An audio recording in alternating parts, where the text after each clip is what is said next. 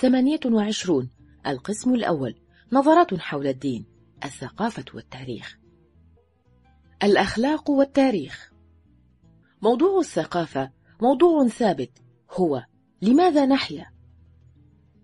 أما الحضارة فهي تقدم متصل يتعلق بسؤال آخر هو كيف نحيا؟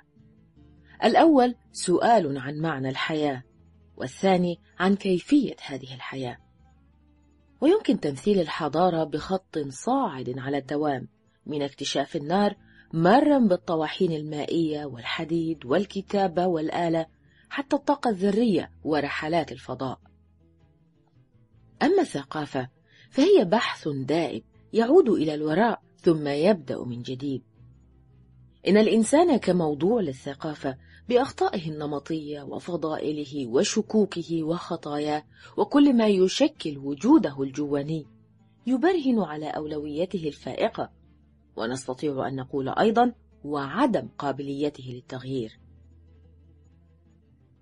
إن جميع المعضلات والمشاكل المعروفة اليوم كانت معروفة في الأخلاق منذ أكثر من ألفي سنة مضت فجميع معلمي البشرية سواء كانوا أنبياء كموسى وعيسى ومحمد عليهم السلام أو غير أنبياء مثل كونفوشيوس وجوتاما بوذا وسقراط وكانت وتولستوي ومارتن بوبر وهم يمثلون أحقابا من الزمن تمتد من القرن السادس قبل الميلاد حتى العصر الحالي.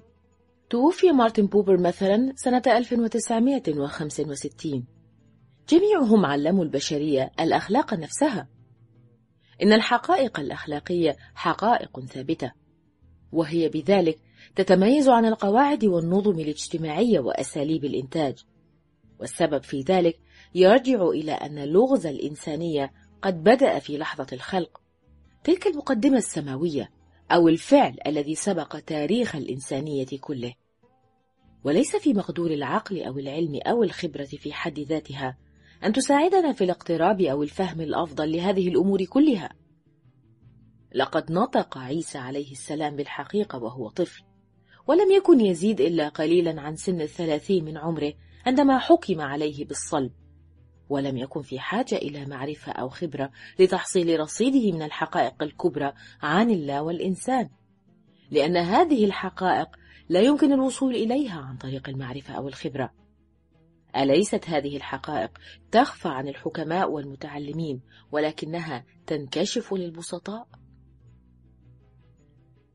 إن الوصايا الأخلاقية الجوهرية لا تتأثر بالزمان والمكان أو الظروف الاجتماعية فعلى عكس ما نراه في النظم الاجتماعية والسياسية من اختلافات كبرى في درجات تطورها وحتى في رموزها الدينية وعقائدها نجد تماثلا عجيبا للمبادئ الأخلاقية في أنحاء العالم.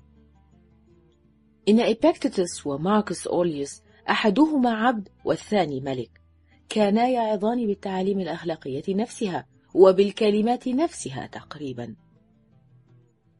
إن الاختلافات في فهم الخير والشر المسموح والممنوع تصادفنا فقط في المسائل الأقل أهمية. وما يقدم إلينا عادة من أمثلة عن استناد المعايير الخلقية إلى ظروف تاريخية وغيرها لا تتصل على الأخلاق بالمبادئ الأساسية في الأخلاق وإنما فقط بما يتعلق بالأخلاقيات والسلوكيات الرسمية. أما في أهم المسائل فتستطيع أن تجد توافقا مؤكدا بل تطابقا. ملحوظة. بعض هذه المبادئ تشتمل على الآتي. قل الحق تجنب الكراهية. كن بسيطا متواضعا. انظر إلى الآخرين على أنهم مثلك. تطلع إلى الحرية. دافع عن حقوقك وحقوق الآخرين. اسعى لكسب عيشك. احترم عمل الآخرين. احترم والديك وكبار السن. أوفي بوعودك والتزاماتك. احمي الضعيف. تودد إلى الناس. لا تسعد بشقاء الناس وفشلهم. لا تحسد الآخرين على ما أصابهم من نعمة أو نجاح. لا تكن مغرورا ولا متكبرا. كن صابرا عند المرض.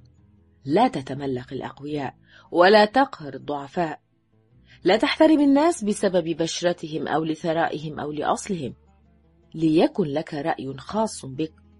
كن معتدلا في تعاطي المسرات. لا تكن أنانية. إلى آخره. فهل تتغير هذه المبادئ وفقا لظروف النظام الاقتصادي؟ هذا التأكيد يتحقق عند كانت في مبدئه المشهور الالتزام المطلق وهو مبدأ موجود عند المفكرين الأقدمين أيضا. وقد عرفه كانت لأول مرة في كتابه أسس ميتافيزيقيا الأخلاق كما يلي. اعمل فقط وفقا لمبدأ تريد أن يكون قانونا عاما. ثم عرفه بعد ذلك في كتابه نقد العقل الخالص فقال اعمل بطريقة يكون فيها المبدأ الذي أردته صالحا لأن يكون مبدأ لتشريع عام وعندما سئل طاليس وهو أحد الحكماء الإغريق السبعة ولد في 624 قبل الميلاد كيف نحقق حياة أكثر استقامة؟ فأجاب: عندما لا نفعل ما نستهجن فعله من جانب الآخرين.